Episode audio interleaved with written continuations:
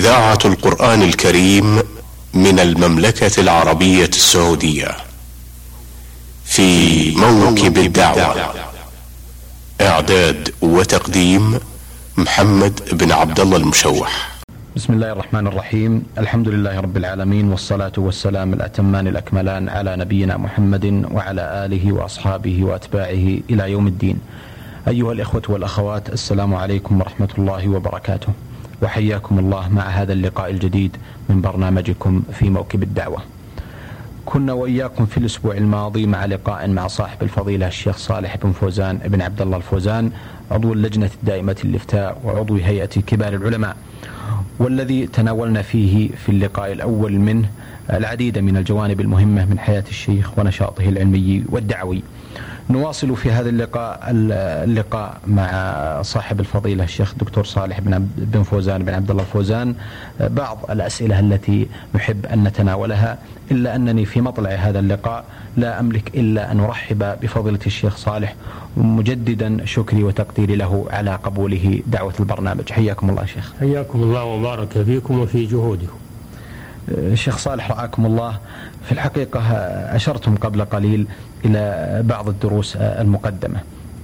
نتناول شيئا من هذا وهو نلمس أو يلحظ اهتمام من فضيلتكم بمؤلفات شيخ الإسلام ابن تيمية رحمه الله. وكان لكم برنامج متميز في إذاعة القرآن الكريم وهو قراءة في فتاوى شيخ الإسلام ابن تيمية.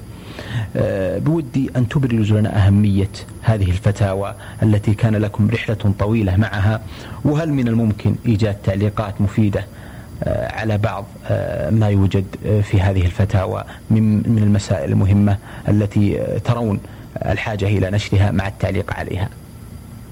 بسم الله الرحمن الرحيم. الحمد لله رب العالمين. صلى الله وسلم على نبينا محمد وعلى آله وأصحابه أجمعين.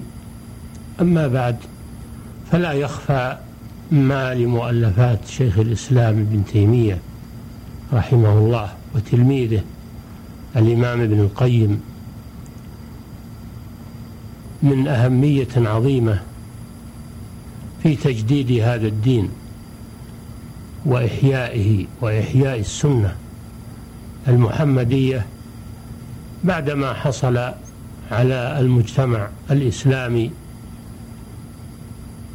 من دخول أشياء أثرت على العقيدة وعلى سلوك المسلمين فجاء الله بهذا الإمام المجدد فقام رحمه الله بتنبيه الأمة و دعوتها إلى الرجوع إلى الأصل. الذي جاء به رسول الله صلى الله عليه وسلم ونبذ البدع والخرافات والمحدثات التي تجمعت في أفكار كثير من المسلمين فأثرت عليهم حقبة من الزمن. فكان لدعوته ولمؤلفاته ولتلاميذه من إيقاظ المسلمين ما لا يجحده إلا مكابر أو ضال. ومن ذلك من ذلك فتاواه الفتاوى العظيمة المنبثقة عن كتاب الله وسنة رسوله صلى الله عليه وسلم ومنهج السلف الصالح في الاعتقاد وفي العمل وفي التعامل وفي الأخلاق. فهي فتاوى حافلة وسجل عظيم من سجلات هذا الدين الإسلامي العظيم. وفتاواه كثيرة لكن الذي جمع منها الآن هو هذا الكم الهائل الذي يبلغ خمسة وثلاثين مجلدا ضخما. وهناك مؤلفات مستقلة مثل منهاج السنة النبوية مثل اقتضاء الصراط المستقيم ومثل آه، كتابه نقض التأسيس في الرد على الرازي ومثل كتابه الجواب الصحيح لمن بدل دين المسيح هي كتب عظيمة. وكذلك رسائله العظيمة مثل رسالة الحموية ورسالة الواسطية ورسالة الحموية ورسالة التدمرية مثل ردوده على القبوريين والخرافيين كالرد على الأخنائي والرد على ابن البكري. والرد على ابن سبعين والرد على أهل وحدة الوجود وعلى المتصوفة. شيء لا يمكن حصره. فنفع الله جل وعلا بهذا الجهد العلمي العظيم نفع به المسلمين في مختلف العصور. ويكفي من فضائل هذا المنهج العظيم هذه الدعوة المباركة التي قام بها شيخ الإسلام المجدد الشيخ محمد بن عبد الوهاب رحمه الله فإنها قامت على هذا التراث العظيم والمجد الأثيل الذي أصله شيخ الإسلام ابن تيمية. فالشيخ محمد بن عبد الوهاب قرأ هذه الكتب وهذه الفتاوى فانتفع بها وتأثر بها وقام بالدعوة على ضوئها وكان لها الثمرات العظيمة التي لا تخفى على ذي بصيرة. طلب مني من قبل الإذاعة إذاعة القرآن الكريم أن ألقي الضوء على شيء من هذه الفتاوى لإعطاء المستمعين فكرة ولو مختصرة عن هذه الفتاوى بالذات. وهذه الفتاوى إنما تمثل قسطا يسيرا من جهود هذا العالم وهذا الإمام. ففرحت بهذه بهذا الطلب وقمت بقراءة هذه الفتاوى وكتابة ما تيسر من تقريب ما فيها من من علم وفقه في دين الله عز وجل ابتداء من الجزء الأول واستمر هذا البرنامج عدة سنوات وكان برنامج برنامجا أسبوعيا. فوصلت فيه إلى الجزء العاشر من الفتاوى. قدمت فيه حلقات خلال هذه السنوات. ثم إنه توقف هذا البرنامج لفترة ولعله يعود النشاط فيه إن شاء الله والمواصلة. وأما مسألة التعليق فإنني إذا سنحت فرصة ورأيت المناسبة وربط الواقع بالماضي فإنني أعلق بعض التعليق لربط واقع الناس اليوم بما جاء في في هذه الفتاوى لأجل أن لأجل أن ينتفع بذلك من أراد الله سبحانه وتعالى من المستمعين. نعم. أثابكم الله شيخ صالح. أه، الحقيقة الشيخ صالح أن أه، من الملاحظ جدا لمن أه، ينظر إلى واقع المسلمين الجهل الكثير الذي يغشى مجتمعات المسلمين خصوصا فيما يتعلق بأمور عباداتهم ومعاملاتهم. ويظهر هناك حاجة ماسة نحو تعلم الفقه الإسلامي خصوصا بعد آه، العلم بتوحيد الله سبحانه وتعالى وتحقيقه. وهناك محاولات من العديد من العلماء نحو إيجاد ما يسمى صياغة فقهية معاصرة. تتناول النوازل والحوادث المستجدة آه، إلا أنها قد تكون في بداياتها. آه، شيخ صالح وأنتم قد كتبتم في العديد من المجالات الفقهية وكان لكم إسهام مشكور ومذكور في ذلك. بل إنكم الآن تقررون وتدرسون في دروسكم العديد من الكتب الفقهية ولكم برنامج في إذاعة القرآن الكريم بشرح كتاب زاد المستقنع. شيخ صالح آه، ألا ترون أن هناك حاجة ماسة لإيجاد آه، موسوعات فقهية معاصرة بلسان معاصر كما يقولون آه، مع الاستفادة من الكتب التي تركها علماؤنا وسلفنا الكرام؟ لا شك أن ربط الناس بالفقه أنه أمر مهم لأن الفقه في الدين هو أساس العمل فلا يمكن لغير الفقيه أن يعمل عملا صالحا ومستقيما إلا إذا كان على فقه في دين الله سبحانه وتعالى. ولذلك أمر الله بالتفقه في دينه وأثنى على المتفقهين. قال سبحانه وما كان الناس وما كان المؤمنون لينفروا كافة وما كان المؤمنون لينفروا كافة فلولا نفر فرق فلولا نفر منهم فلولا نفر فرقة منهم. وما كان المؤمنون لينفروا كافة. فلولا نفر من كل فرقة منهم طائفة ليتفقهوا في الدين ولينذروا قومهم إذا رجعوا إليهم لعلهم يحذرون. ليتفقهوا في الدين يعني ليتفهموا ليتفهموا أمور دينهم. فالفقه لغة هو الفهم والفقه في الدين هو فهم أحكام الدين. وشرائع الدين. وانظر كيف قدم ليتفقهوا في الدين على قوله ولينذروا لأن الإنذار والدعوة إلى الله والأمر بالمعروف والنهي عن المنكر إنما يكون بعد الفقه إنما يكون بعد الفقه والعلم.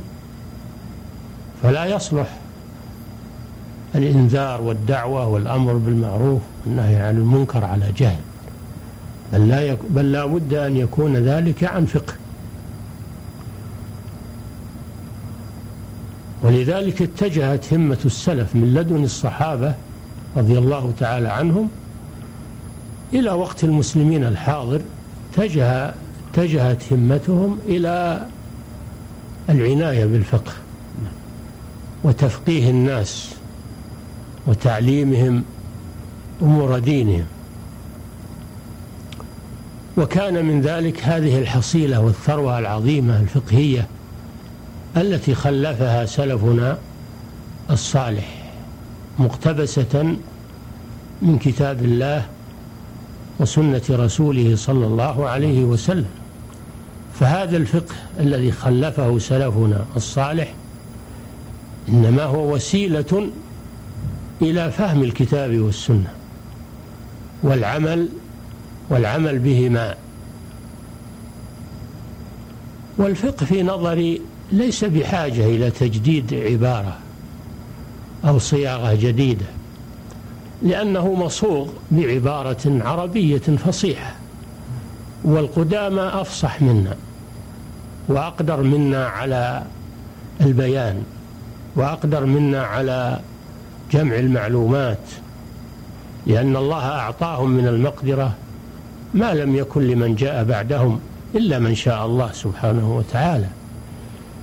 ففي نظري أن أن الفقه ليس بحاجة إلى تجديد عبارة أو صياغة وإنما هو بحاجة إلى تعلم. الفقه بحاجة إلى تعلم وعناية وإقبال عليه وتعليم الناشئة تنشئتهم على فقه السلف الصالح. هذا هو المهم. أما مسألة الصياغة والتعبير الجديد هذا لو حصل ما كفى والناس في إعراض عن عن الفقه. فالآفة لم تأتي من الصياغة ومن العبارة وإنما جاءت من انصراف الناس وجهلهم بهذا الأمر. فإذا وجهوا وعلموا حصل المقصود بدون أن نكلف أنفسنا بوضع عبارة جديدة أو صياغة جديدة لأننا لن نأتي بأفضل مما جاء به من سبقنا من أهل العلم والخبرة والمعرفة. نعم. أحسنتم وأثابكم الله. آه، شيخ صالح حفظكم الله. الفتوى في هذا العصر بل في كل عصر أحوج ما يكون الناس إليها. والوقت الحاضر آه، شهد الكثير من الذين يتصدرون لمثل هذا الأمر وليسوا أهلا لذلك. وأصبحت الفتوى آه، في بحر آه، يموج. كل يدلي بدلوه بعلم أو بغير علم. هل هناك ضوابط يجب أن تضبط بها الفتوى لكي يسير كل واحد من المسلمين على نهج سوي وصحيح؟ ثم هذا التعدد في الفتوى آه ألا يمكن أن يجد بلبلة لدى كثير من عامة المسلمين؟ لا شك أن أمر الفتوى أمر مهم والحاجة إلى الفتوى حاجة ضرورية لأن الناس بحاجة إلى من يجيبهم على تساؤلاتهم وبحاجة إلى من يحل مشكلاتهم. وبحاجة إلى من يتناول قضاياهم هم بحاجة إلى ذلك. ولكن لن يقوم بهذه المهمات إلا أهل العلم المختصون الفقهاء في دين الله عز وجل. فإذا قام بهذا الواجب وهذا العبء أهله من أهل العلم المختصين حصل المقصود. وحصل المطلوب.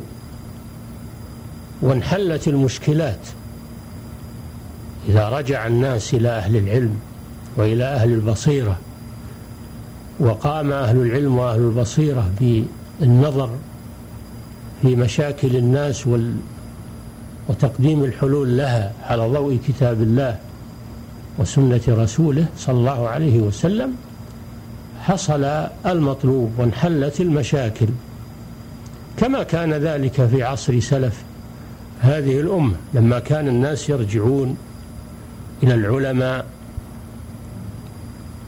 الراسخين كانت مشكلاتهم تنحل وكانت قضاياهم تحل ببساطة على ضوء من كتاب الله وسنة رسوله صلى الله عليه وسلم. والله أمر بذلك. فقال سبحانه فاسألوا أهل الذكر إن كنتم لا تعلمون. فأمر الجهال بسؤال أهل العلم لأن أهل العلم هم الذين يقدرون على إجابة الأسئلة الفقهية. وقال تعالى وإذا جاءهم أمر من الأمن أو الخوف أذاعوا به ولو ردوه إلى الله ولو ردوه إلى الرسول ولو ردوه إلى الرسول وإلى أولي الأمر منهم لعلمه الذين يستنبطونه منهم. فأمر الناس عندما يحصل إشكال أو يحصل أخذ ورد في أمر من الأمور المهمة أن يرجعوا إلى سنة الرسول صلى الله عليه وسلم وأن يرجعوا إلى أولي الأمر منهم أي الشأن والمنزلة وهم أهل الرأي وأهل الفقه وأهل الخبرة والتجربة. فحينئذ يخرجون إلى نتيجة نتيجة مرضية لعلمه الذين يستنبطونه منهم لكن حينما تكون الأمور فوضى ويتولى الإجابة كل ما هب ودب ممن ينتسب إلى العلم وهو جاهل أو من عنده علم لكن ليس عنده آه، عمل وإنما يتبع هواه ورغبته ورغبة الآخرين وإرضاء الآخرين حينئذ يحصل الفساد. كما حصل لبني إسرائيل. لما ضل أحبارهم ورهبانهم فحرموا ما أحل الله وأحلوا ما حرم الله وأطاعهم عامة الناس هلك الجميع. اتخذوا أحبارهم ورهبانهم أربابا من دون الله والمسيح ابن مريم وما أمروا إلا ليعبدوا إلها واحدا لا إله إلا هو سبحانه عما يشركون. فإذا صارت الأمور في أمور الفتوى وأمور العلم فوضى يجيب عليها الجهال الذين لا علم عندهم أو يجيب عليها فساق العلماء الذين لا يتبعون ما أنزل الله على رسوله وإنما يتبعون رغباتهم أو رغبات غيرهم ويلتمسون للناس ما يرضيهم ولو بما يسخط الله عز وجل فحينئذ يحصل الفساد في الأرض. وما هلكت بنو إسرائيل إلا بمثل هذا. أم لهم شركاء شرعوا لهم من الدين ما لم يأذن به الله؟ فلا يجوز الرجوع إلى أهل الأهواء وأهل البدع ولا الرجوع إلى الجهال وإنما يجب الرجوع إلى أهل العلم والعمل أهل العلم الثابت والعمل الصالح. وهذا هو الذي بعث الله به رسوله صلى الله عليه وسلم. فإن الله سبحانه وتعالى بعث رسوله بالهدى ودين الحق. فالهدى هو العلم النافع ودين الحق هو العمل الصالح. ولا بد من اجتماع الأمرين العلم النافع والعمل الصالح. أما إذا انفرد أحدهما عن الآخر فكان علما كان علم بدون عمل هذا طريق أهل الضلال. أو كان كان علم بدون عمل فهذا طريق المغضوب عليهم.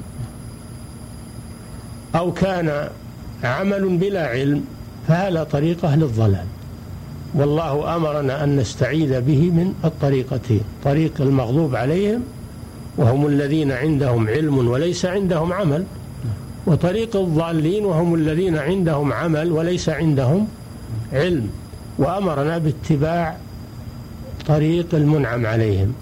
وهم الذين جمعوا بين العلم النافع والعمل الصالح. فلا تنضبط الفتوى إلا بهذا. بأن يتولاها أهل العلم الراسخ والعمل الصالح. فإذا اختل شرط من هذين الشرطين حصل الفساد في الأرض ولن يقتصر فساد هؤلاء على أنفسهم أو على من أضلوه وإنما يتناول هذا عامة الناس ولا حول ولا قوة إلا بالله. فهذا الأمر خطير والواجب التنبه له. والواجب على كل أحد حينما يسأل أن يتقي الله سبحانه وتعالى فلا يتسرع إلى الجواب. فإن كان هناك من هو أعلم منه فليحل السؤال إليه. وكان السلف يتدافعون الفتوى وهم على علم لكن يريدون أن يتولاها من هو آه، أكبر منهم وأوثق منهم. وهذا من ورعهم ومعرفتهم بصعوبة الموقف. الله جل وعلا يقول وفوق كل ذي علم فوق كل ذي علم عليم. ويقول لنبيه صلى الله عليه وسلم وقل رب زدني علما.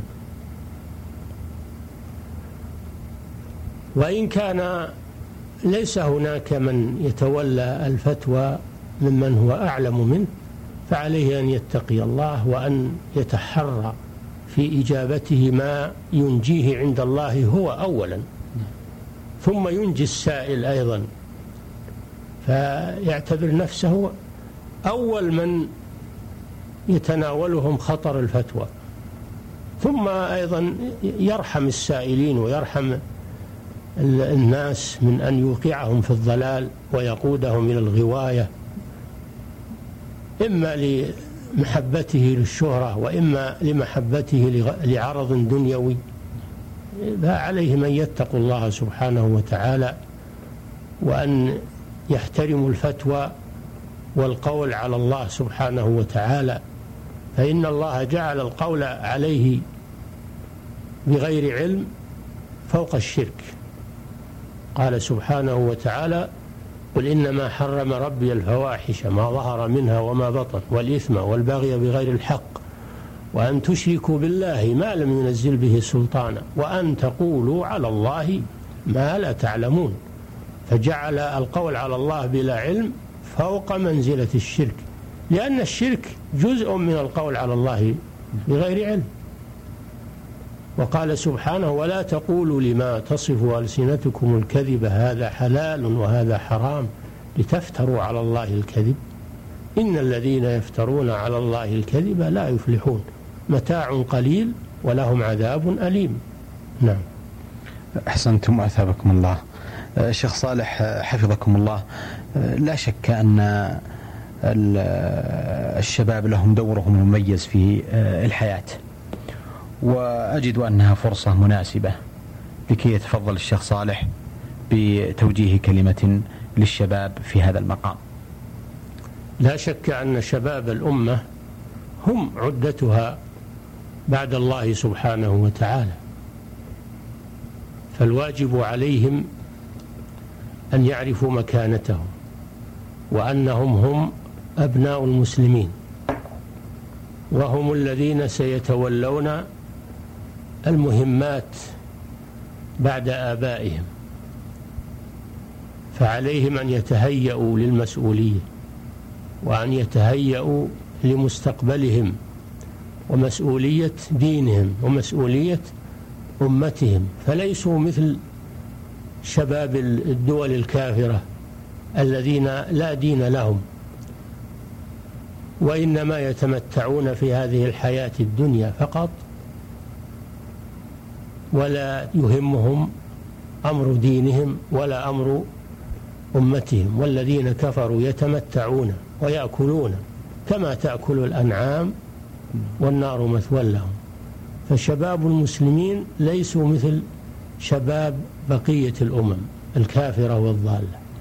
فعلى شباب المسلمين أن يعرفوا مكانهم ومسؤوليتهم أمام الله سبحانه وتعالى. وأنهم سيخلفون الجيل الذي قبلهم فيحملون هذا الدين ويحملون الدعوة إلى الله ويحملون الأمر بالمعروف والنهي عن المنكر ويحملون مهمة الجهاد في سبيل الله عز وجل فهم مهيئون لأمر عظيم فعليهم أن يعوا هذه المسؤولية. ولا يمكنهم القيام بها إلا إذا تأسسوا على علم صحيح في عقيدتهم وفي عبادتهم وفي معاملاتهم وفي أخلاقهم فعليهم أن يهتموا بتعلم العلم النافع من كتاب الله وسنة رسوله صلى الله عليه وسلم وأن يحذروا من التيارات الهدامة والمناهج الخطيرة المخالفة لمنهج الكتاب والسنة ومنهج السلف الصالح. عليهم أن يعوا هذا الأمر أن يهيئوا أنفسهم على التربية والنشأة الدينية الصحيحة وأن يحذروا من الصوارف والدعايات الهدامة وأن يحذروا من المغريات الدنيوية وأن يقدروا أيضا زمنهم فلا يضيعوه باللهو والغفلة والإعراض والمتاع الزائل فإنهم لم يخلقوا لهذا وإنما خلقوا لمهمة عظيمة. قال الشاعر قد هيئوك لأمر لو فطنت له فاربأ بنفسك أن ترعى مع الهمل. على شباب المسلمين أن يعرفوا مكانهم. وأن يعرفوا ما هم مهيئون له. من الذي قاد الجيوش في عهد الصحابة والتابعين وسلف الأمة؟ هل قادها إلا الشباب؟ هل قادها إلا خالد بن الوليد؟ والمثنى بن حارثة؟ وهل تولى قضاء المسلمين وفتواهم إلا الشباب؟ معاذ بن جبل وعبادة بن الصامت آه، ابن عباس وابن عمر وغيرهم ومعاذ وعبد الله بن عمرو بن العاص وغيرهم من شباب الصحابة. هم الذين تولوا أمور المسلمين في الجهاد وفي العلم والدعوة وال فعلى شباب المسلمين أن يعرفوا هذه الأمور وأن يتخذوا من سيرة سلفهم الصالح القدوة الحسنة. النبي صلى الله عليه وسلم كان يهتم بأمر الشباب ويوليهم عناية خاصة. يقول لعبد الله بن عباس يا غلام إني أعلمك كلمات احفظ الله يحفظك احفظ الله تجده تجاهك. إذا سألت فاسأل الله وإذا استعنت فاستعن بالله واعلم أن النصر مع الصبر وأن الفرج مع الكرب وأن مع العسر يسرا واعلم أن الأمة لو اجتمعوا على أن ينفعوك بشيء لم ينفعوك إلا بشيء قد كتبه الله لك ولو اجتمعوا على أن يضروك بشيء لن يضروك إلا بشيء قد كتبه الله عليك. هذه كلمات وجهها النبي صلى الله عليه وسلم إلى عبد الله بن عباس وكان غلاما وقال له يا غلام. وقال صلى الله عليه وسلم لمعاذ بن جبل وكان رديفه على حمار قال يا معاذ أتدري ما حق الله على العباد وما حق العباد على الله؟ قلت الله ورسوله أعلم. قال حق العباد على الله حق الله على العباد أن يعبدوه ولا يشركوا به شيئا. وحق العباد على الله ألا يعذب من لا يشرك به شيئا. فهذا رسول الله صلى الله عليه وسلم وجه هذا العلم العظيم إلى شاب يركب معه على حمار وهو توجيه للأمة ولشباب الأمة. قال عليه الصلاة والسلام يا معشر الشباب من استطاع منكم الباءة فليتزوج ومن لم يستطع فعليه بالصوم. فإنه له وجاء. وقال عليه الصلاة والسلام لعمرو بن سلمة وكان طفلا في آه، وكان طفلا ربيبا عند الرسول صلى الله عليه وسلم. أمه أم سلمة زوج النبي صلى الله عليه وسلم. وكان طفلا يأكل مع الرسول صلى الله عليه وسلم فجالت يده في الصحفة فقال له صلى الله عليه وسلم يا غلام كل بيمينك يا غلام سم الله وكل بيمينك وكل مما يليك. هذا توجيه من النبي صلى الله عليه وسلم لطفل لأنه سينشأ على هذه التعليمات وتنطبع في قلبه. فالواجب على علماء المسلمين وعلى عامة المسلمين أن يعتنوا بشبابهم بالتوجيه والرعاية و وصيانتهم من المؤثرات الخطرة وعلى شباب المسلمين كذلك أن يعرفوا مكانتهم في المجتمع وأن يهيئوا أنفسهم لما هم مقبلون عليه من تحمل المسؤولية. فما ضاع من شباب المسلمين إلا من ضيع شبابه وضيع وقته. الذين ضيعوا شبابهم وضيعوا وقتهم ضاعوا لما كبروا. وصاروا لا مكانة لهم في المجتمع. فعلى شباب المسلمين أن يعوا هذا الأمر وأن يتهيأوا له. نعم. أحسنتم أثابكم الله. آه، أيها الإخوة والأخوات آه، في الحقيقة كنا وإياكم طوال هذه الدقائق الماضية مع صاحب الفضيلة الشيخ الدكتور صالح بن فوزان بن عبد الله الفوزان عضو اللجنة الدائمة للإفتاء وعضو هيئة كبار العلماء والذي تولى مشكورا آه، هذا التوجيه الكريم والطيب والمبارك والنافع للإخوة المستمعين والمستمعات. لا أملك في ختام هذا اللقاء إلا أن أرفع جزيل شكري وتقديري لصاحب الفضيلة الشيخ صالح الفوزان على قبوله دعوة البرنامج وعلى تكرمه وتفضله بالإجابة عن أسئلتنا واستفساراتنا. آه، أبتهل إلى المولى عز وجل أن يجزيه خير الجزاء وأن يمتعه بالصحة والعافية وأن يمد بعمره على عمل صالح وأن ينفع به الإسلام والمسلمين. نأمل بإذن الله تعالى أن نلقاكم على خير في مثل هذا اليوم من الأسبوع القادم. والسلام عليكم ورحمة الله وبركاته.